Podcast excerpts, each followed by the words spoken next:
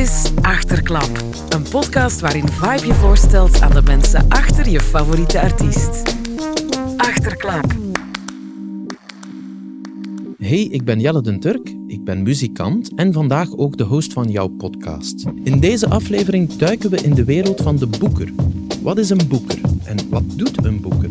Wat drijft een boeker en vooral, wat heb ik er als muzikant in godsnaam aan? Geen zorgen, antwoorden zijn op komst. Antwoorden op mijn en jullie vragen, want via advies.vibe kan je die altijd stellen. Wanneer is het juiste moment om mijn boeker in zee te gaan? Hoeveel kost een boeker mij eigenlijk? Is het echt nodig om een boeker te hebben om te kunnen spelen?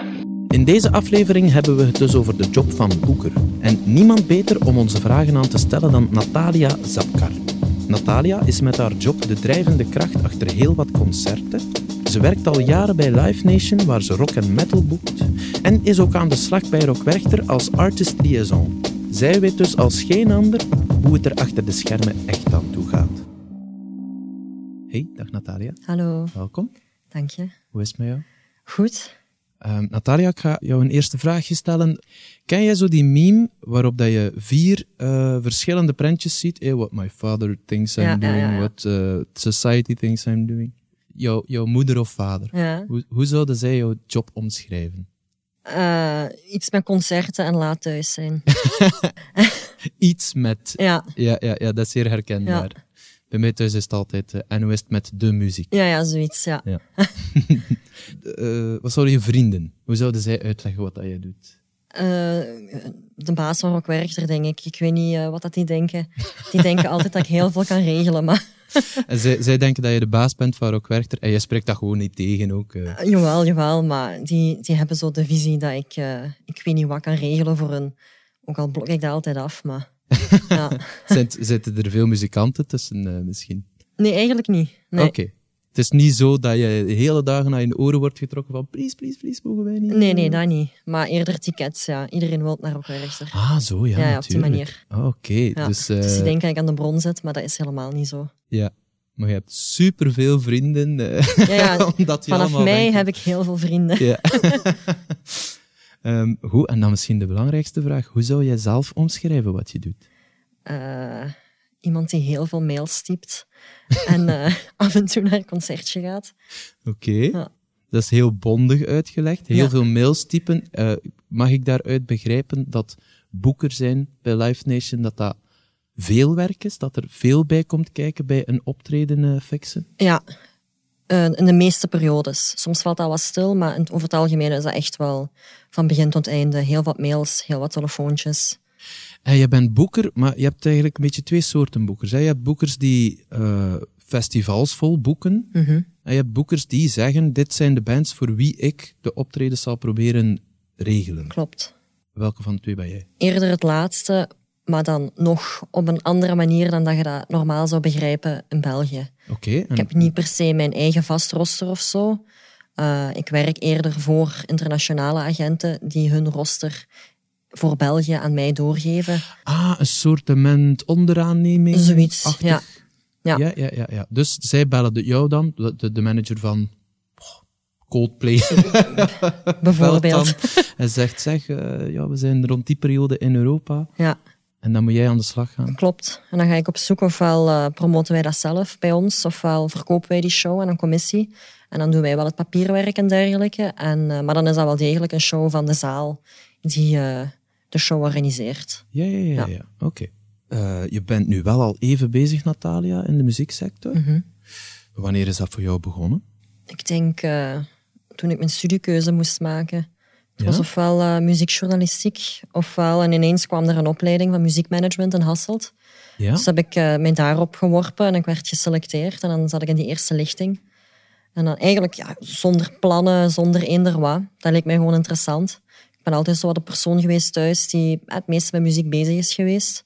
Maar nooit gedacht dat ik, echt, dat ik echt in die sector te werk ging eh, gaan. Maar, ja. Het was niet dat je de- de- de- voor die opleiding al, eh, al bezig was Nee. eh, met de pakweg ja, concertjes organiseren of Nee. whatever. Of... Totaal niet. Nee, het is echt begonnen in PXL. Ja.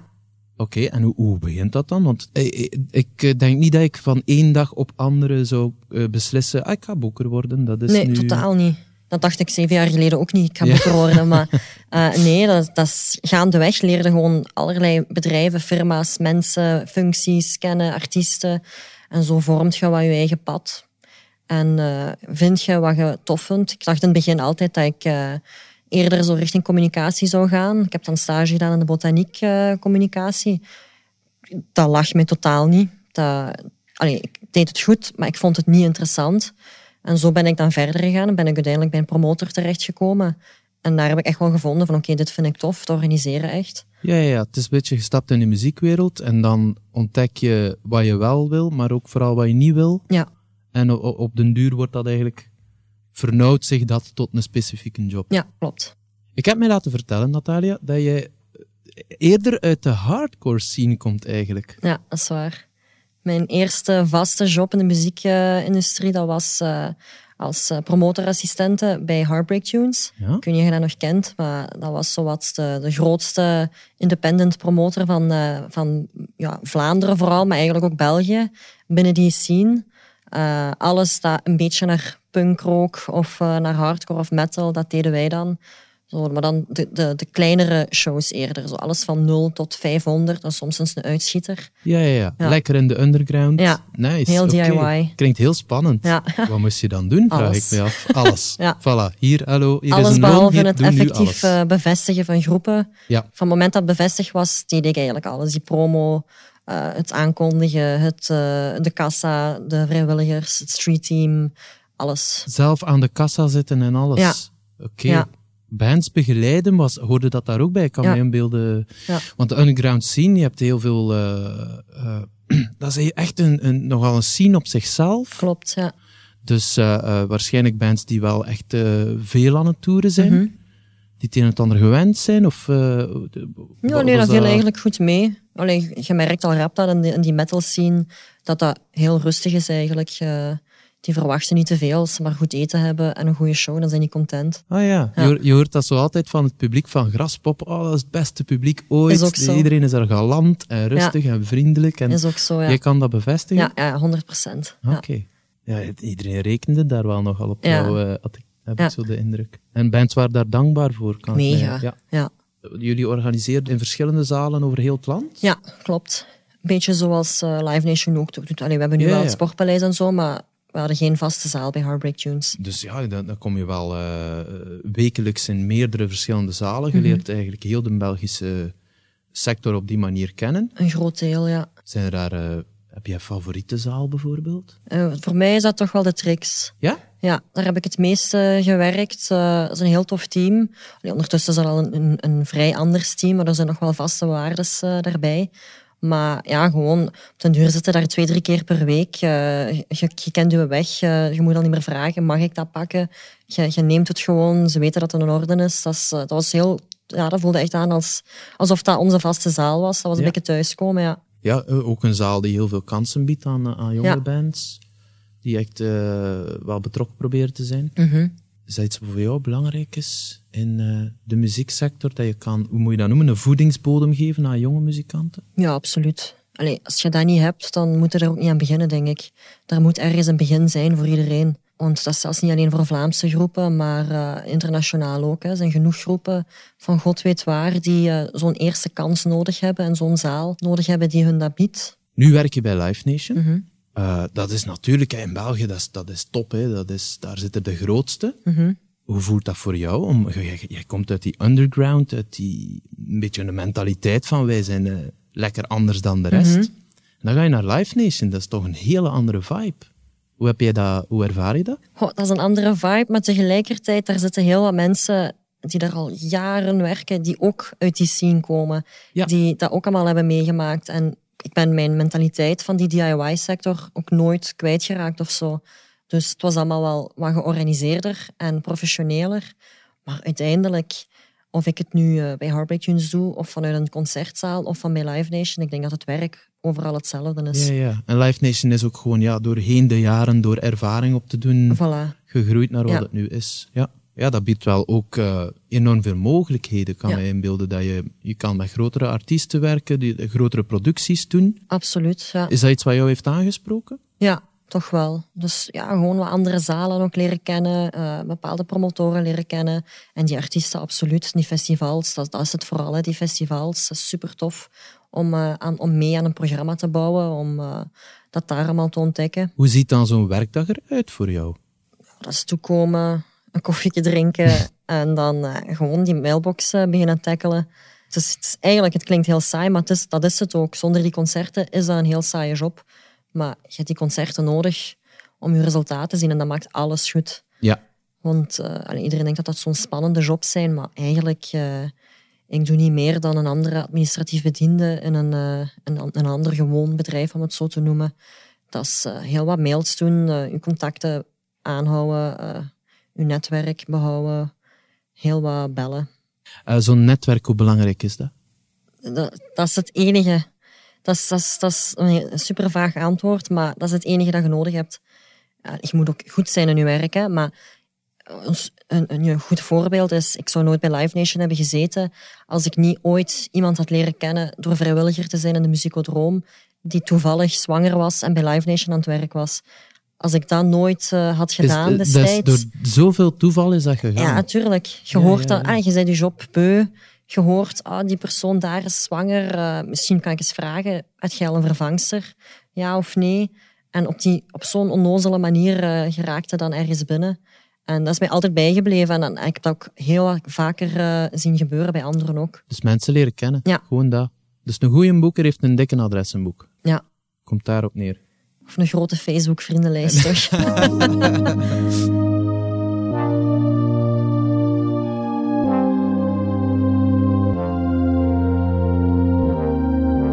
als zo'n optreden, je hebt dan zo hard gewerkt aan, de, aan dat ene optreden, aan die ene grote productie, en dan is het daar, dan is dat moment daar. Mhm. Heb je dan nog werk? Of kan je dan gewoon, zoals iedereen in de zaal, in het publiek gaan staan? In en- principe en- wel. Het enige waarvoor ik eigenlijk eh, daar moet zijn, is om uh, een goeie dag te gaan zeggen tegen een tourmanager, uh, uw kop te laten zien aan eh, de promotor van de zaal. Uh, gewoon er zijn eigenlijk. Soms gaat dat wat meevolgen bij de settlement, betaling. Maar voor de rest hadden daar eigenlijk geen eh, echte functie op dat moment. Zo, is er zo één productie dat jij zelf voor altijd allee, gaat meedragen, zo van shit, dat was echt een zotte en daar heb ik mijn steentje aan kunnen bijdragen. Oh, Ik denk mijn allereerste AB-show. Ja? Die, eh, dat, Welke was, was dat? ah, dat was voor mij een doel. Als ik de AB doe, dan eh, is het oké. En dat was bij mij eh, Stick Your Guns in de winter, ergens een paar jaar geleden. Ehm, dus toen ik daar eindelijk een show had staan, dat ook nog eens goed verkocht had, dan, toen was ik heel blij. Ja. maar dat kan ik mij inbeelden, dat dat echt wel... Ja. Dat is een beloning, hè? Dat Ja, een, ja, exact, een beloning. Ja. Oh, ik vind dat heel mooi dat... Allee, ik, ik sta dan aan de muzikantenzijde. Ja. En, Dat is hetzelfde, en inderdaad, als jong mannetje gedroomd van Ja. de AB, hè, dat is, zo, oh, dat is de, muziektempel eh, toch een beetje. En dat jij dat als boeker ook zo Ja, ja, ik denk dat dat exact hetzelfde is. dat is fantastisch. Ik vind dat echt mooi. Een andere droom die heel veel muzikanten hebben, dat is rockwerchter. Mhm. Ik ben jonge muzikant. Ik wil ooit op rockwerchter spelen. Wat moet ik doen? Een goede boeker of manager hebben.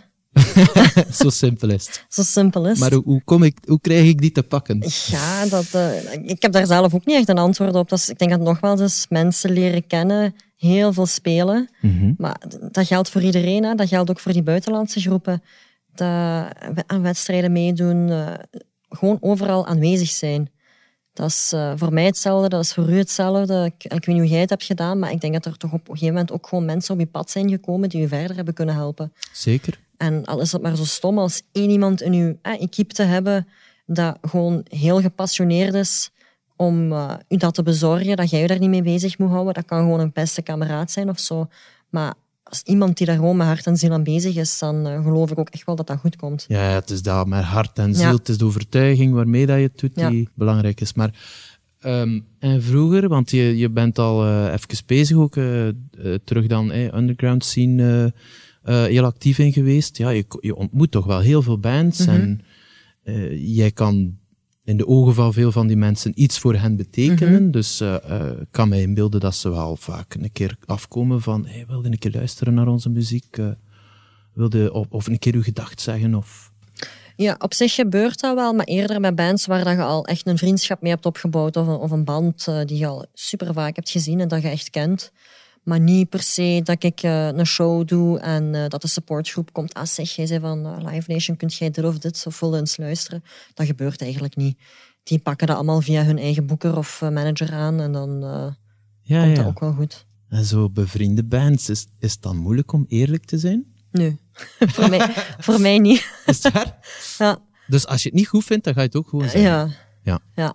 Ik geloof niet in dat, dat paaien en eh, zeggen dat het maar goed is, omdat je ze te vriend moet houden. Ik geloof dat eerlijkheid u nog het verste leidt. Ja, zo schoon. nee, maar het is wel waar. inderdaad. Misschien is het beter om te weten, ah shit, dat, dat, Ja. die vindt dat echt niet goed wat ik aan het doen ben. Mhm. Maar En- ik ben ook niet het orakel, hè, dus eh, dat weten ze ook. Dus dan gaan ze ook gewoon verder en ze zien wel. Jij werkt voor Werchter, Mhm. Maar wat doe jij daar dan precies? Ik eh, ben eigenlijk officieel, eh, ofwel noemde het promotor rep, representante. Ja, Eh, dus de representanten van Herman Schuurmans eigenlijk, naar de artiesten toe, ofwel de artist liaison. Dus ik doe eigenlijk alles wat met die artiesten te maken heeft. Van het moment dat het bevestigd is, neem ik het over. We zijn een heel team, hè, maar als artist gerelated is, dan eh, ben ik het. oké. En hoe moet ik mij dat inbeelden? Is dat vliegtuigtickets boeken? Nee. Of houdt dat in? kan, maar dat komt eigenlijk bijna nooit voor. Dat is eerder iets met DJ's. Maar nee, dat gaat van contracten nalezen, verbeteren, eh, de betalingen in orde brengen. Allee, dat doet de boekhouder dan, maar jij ziet, ik zie dan wel dat het in orde komt. Dat dat op- eh, dat de moet facturen worden, verzamelen, van die dingen, alles nakijken. De rider nalezen, de, eh, in contact brengen met onze productiemanager. Eh, die doet dan alles wat technisch is. Ik doe al de rest. eh, taxis, eh busjes, hotels. ehm, hoe hun een dag gaat verlopen van begin tot einde. Ik ontvang die artiesten ook. Zo van die dingen. Natalia, eh, heb ik je net horen zeggen dat je dus de riders ziet van al die grote bands die op Werchter spelen? Ja. Staan daar maffe dingen op? Eigenlijk niet. Nee, is het waar? Nee, Geen blauwe M&M's en geen... eh, nee totaal niet. Soms, oh, wat, is, wat is belachelijk, soms willen ze een specifiek geurkaarsje. Soms willen ze honing uit Nieuw-Zeeland. En dan zeggen wij, de honing uit Werchter is even lekker. Eh, dat is... eh, nee, dat valt echt goed mee. Werchterse honing is natuurlijk, ja, Ja, ja, ja. wereldvermaard. Ja.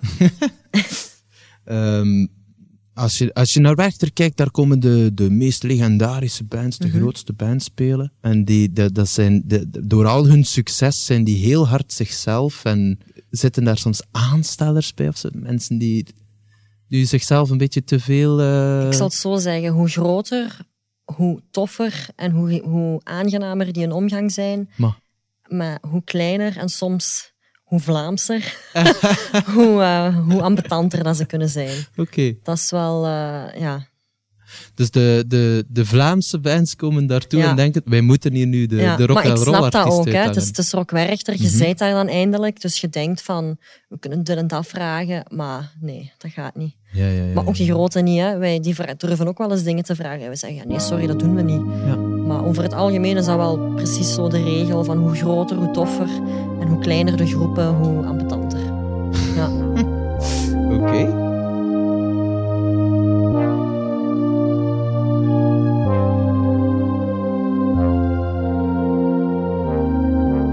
Als jonge muzikant kan een boeker, dat kan voor u, dat kan een gateway zijn naar enorm veel optredens en naar alles waar dat je eigenlijk een beetje van droomt. Maar hoe, hoe weet ik als muzikant of dan een boeker bij mij past? Ik denk ehm, dat in de eerste plaats belangrijk is dat je merkt dat ze ook echt met u bezig zijn. Want eh, je, hebt ook boekers die zo'n gigantisch roster dat die gewoon de tijd niet hebben om de aandacht op u te, op, op u te zetten. Maar eh, ja, ik, ik weet niet of het per se iets is van dat die bij u past. Maar allee, je moet eerst, in de eerste plaats ook fan van u zijn natuurlijk. En in u geloven. Maar ze moeten ook tijd voor u hebben en tijd voor u maken. En ik denk als je dat merkt, eh, dat ze toch echt wel met u gepassioneerd zijn en willen dat je ergens geraakt, dat je toch al een goede match hebt gevonden. Wel, de, ehm, kijk, ik heb ehm, eh, met mijn band Dirk, wij hadden eerst, eh, we zijn bij een boeker gegaan, na Humo's Rock Rally. Dan kwamen de boekers, hè, dan komen die een Ja, keer zeggen. En eh, wij zijn dan met een grote boeker gegaan, die veel internationale namen boekt, waar dat wij echt mega fan van zijn. Dus wij dachten, yes, we, we hebben het, nu hebben we het gemaakt, we Ja. zijn er. en dat bleek dan eigenlijk niet zo heel veel op te leveren. Om- wij zaten te veel te wachten op optredens. Ja. En, en zij zaten te wachten op ons, op nieuwe muziek. Dus misschien is de grootste boeken niet altijd de, de beste optie? Nee, zeker niet. Nee. Allee, ik geloof echt wel, er zijn genoeg artiesten die ah, bij een kleinere boeker, om het zo te noemen, zitten. Gelijk een eh, Peter Verstraal of... Het zijn zeker geen kleine boekers, begrijp me niet verkeerd, maar in vergelijking met het, het, het, het, de macht, om het zo te noemen, van Live Nation. Ja, ja, ja. Maar die gewoon veel beter af zijn daar. eh, ik, ik geloof oprecht dat de, dat Zwangere Guy bijvoorbeeld, waar dat die nu bij zit, dat is de beste boeker die die kan hebben voor hem. Die, die zou denk ik een heel ander resultaat hebben bij ons, maar daarom niet beter. Dus eh, nee, ik geloof absoluut dat het niet groter en beter is. Omgekeerde vraag. Wanneer weet ik dat ik een slechte boeker heb? Als die niet met u bezig is. Ja. Of als die gewoon stomme keuzes voor u maakt. Maar dat is denk ik hetzelfde voor een manager, voor iedereen. Als die u in een richting pusht waar jij je niet bij op je gemak voelt. Omdat zij denken dat dat geld of, of beroemdheid gaat opleveren, dan zit je niet op je plek. Dus als u een boeker eh, uw metalband probeert te boeken op eh, Gent Jazz, dan, Exact. Ja. Ja. dan is het verhaal Een overdreven, maar wel een juist voorbeeld, want dat gebeurt wel. Ja, Ik zou dat nu wel heel graag een keer zien eigenlijk, een metalband op Gent Jazz. ja, ja, er zijn er die dat zouden kunnen doen. Kan elke boeker ook meteen eh, bands op eh, de, de internationale podia krijgen? Ehm, meteen weet ik niet. Ik, allee, ik, ik- dat is moeilijk voor mij om op te antwoorden, omdat wij echt wel puur binnen België werken. Ja. Ehm, en meestal hoe het bij ons werkt is... Ik heb zelf geen Belgische bands, maar mijn collega's wel. Die zijn een boeker voor België. En eh, die zullen ook wel eens buiten de grenzen werken. Maar meestal hebben die bands dan in Nederland iemand die hen vertegenwoordigt. In Engeland als het zover komt. eh, maar, nu, maar er zijn er wel die over de grenzen werken. En, eh, maar ik vind dat ook goed, je moet ook durven over die grenzen te kijken. Want ik, ik kan me daar zo aan ergeren aan Belgische groepen. Die, eh, die vinden het prima om binnen Vlaanderen actief te zijn, heel hun leven. Maar zo, zo, sommigen hebben dat geluk dat ze dat kunnen, maar dat is belangen niet voor iedereen weggelegd. En ik heb genoeg voorbeelden gezien van mensen die gewoon zoiets hadden van laat Vlaanderen zitten, het gaat toch niet lukken, we gaan over de grenzen en daar werkt het wel. Ja, ja, ja. Je hebt echt wel, pakken we een Amen Ra of zo. Ja. eh, ja, ja, ja. Heeft dat echt wel heel bewust gedaan. hè? Ja. Zelf het buitenland eh, gaan opzoeken. Ja. Maar het- als ik het goed begrijp, dan, dan is dat wel weer gewoon van nul beginnen. Dat is weer een, volledig nieuwe ja, markt die je moet Van veroveren. nul beginnen en weer al mensen kennen, eh, artiesten leren kennen. Ik denk dat in, in die richting is het vooral belangrijk, zeker als je beginnende groep bent, om eh, andere genegen artiesten te vinden die eh, een beetje in dezelfde scene als u bezig zijn. proberen zo wat supportshows hier en daar te doen en dat zo wat opbouwen. Ja, ja, ja. Eh, Gewoon een keer vragen, mogen we een keer meegaan? Ja. En dan... Ik, denk dat, ik geloof echt niet dat het zo moeilijk is eh, als iedereen zegt dat het is. Ja. Het kan eigenlijk heel simpel zijn. Verdorie. Nu krijg ik zelf het gevoel dat ik nog werk aan de winkel heb. Ja. Dat is mensen leren, het is mensen leren kennen, maar ja, hoe, hoe, hoe doe je dat dan specifiek? Hè? Eh, ga je die gaan zoeken op, op LinkedIn of op Nee, gewoon het Facebook, is, vriendschapsverzoeken? eh, gelijk het bij mij is begonnen, vrijwilligerswerk doen in een concertzaal. Ehm, of- dat kan gaan van toogwerk tot eender wat, maar zo leerde echt wel mensen kennen. Eh, op festivalletjes meedraaien. Ik heb eh, op heel wat festivals aan de inkom gezeten. Op heel wat festivals wc-papier uitgedeeld. en, en dat is juist hetzelfde voor artiesten, denk ik. Heel, heel veel spelen, op plekken terechtkomen waar andere groepen ook zijn, nationaal, internationaal.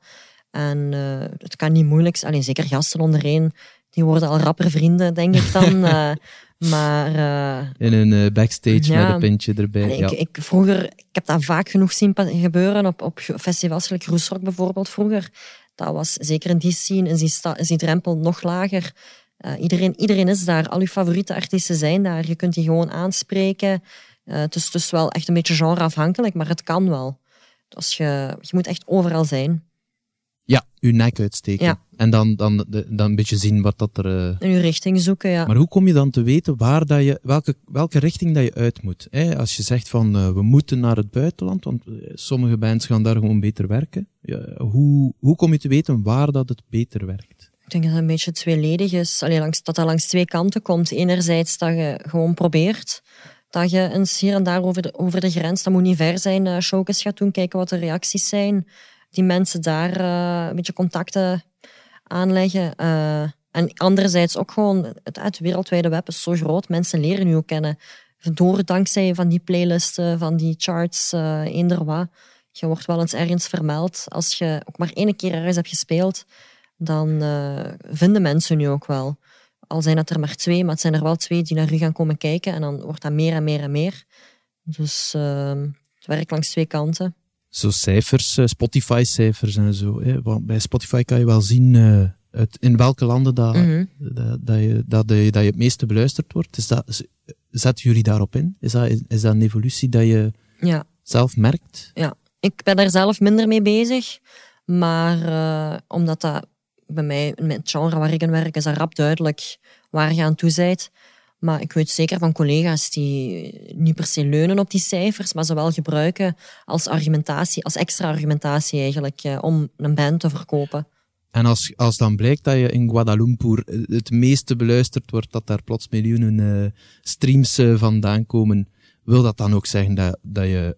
Kan je daar gewoon een, een vliegtuig boeken en daar onmiddellijk uh, tien shows gaan spelen? Ik denk voor sommigen wel, maar over het algemeen heb ik ontdekt dat de regel meestal is een tiende van uw luisteraars misschien die komen opdagen.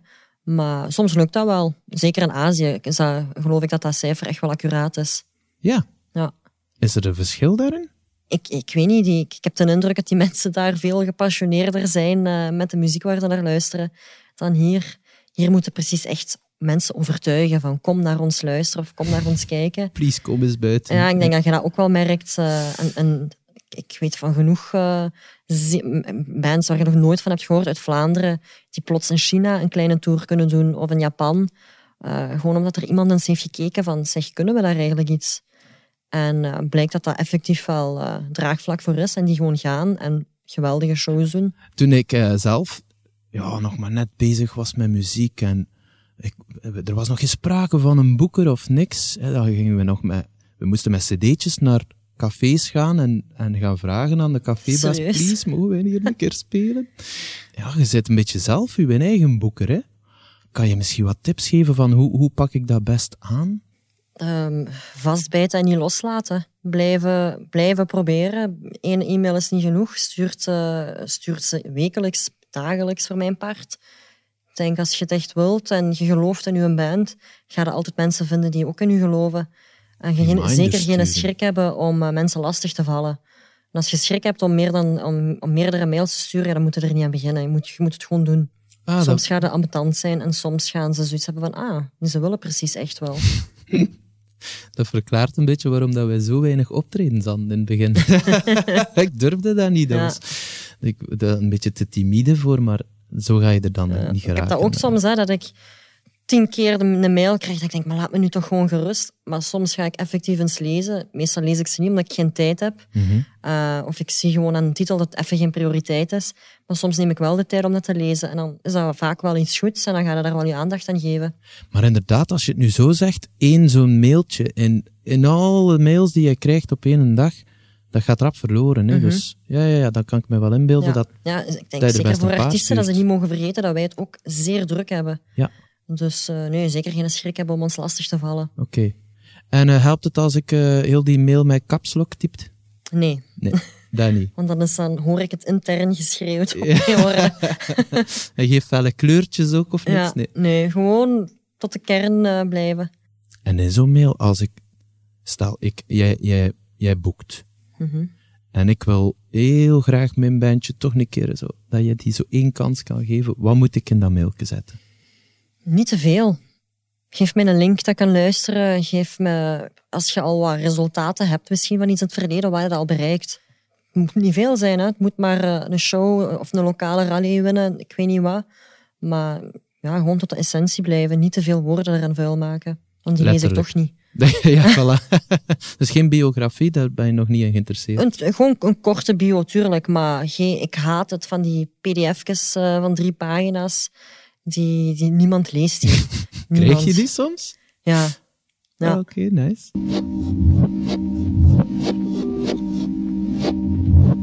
Eh, Natalia, we hebben niet alleen vragen zelf voorbereid. We, we hebben ook een paar vragen van mensen die eh, vaak eh, Vibe bezoeken en daar op zoek gaan naar informatie.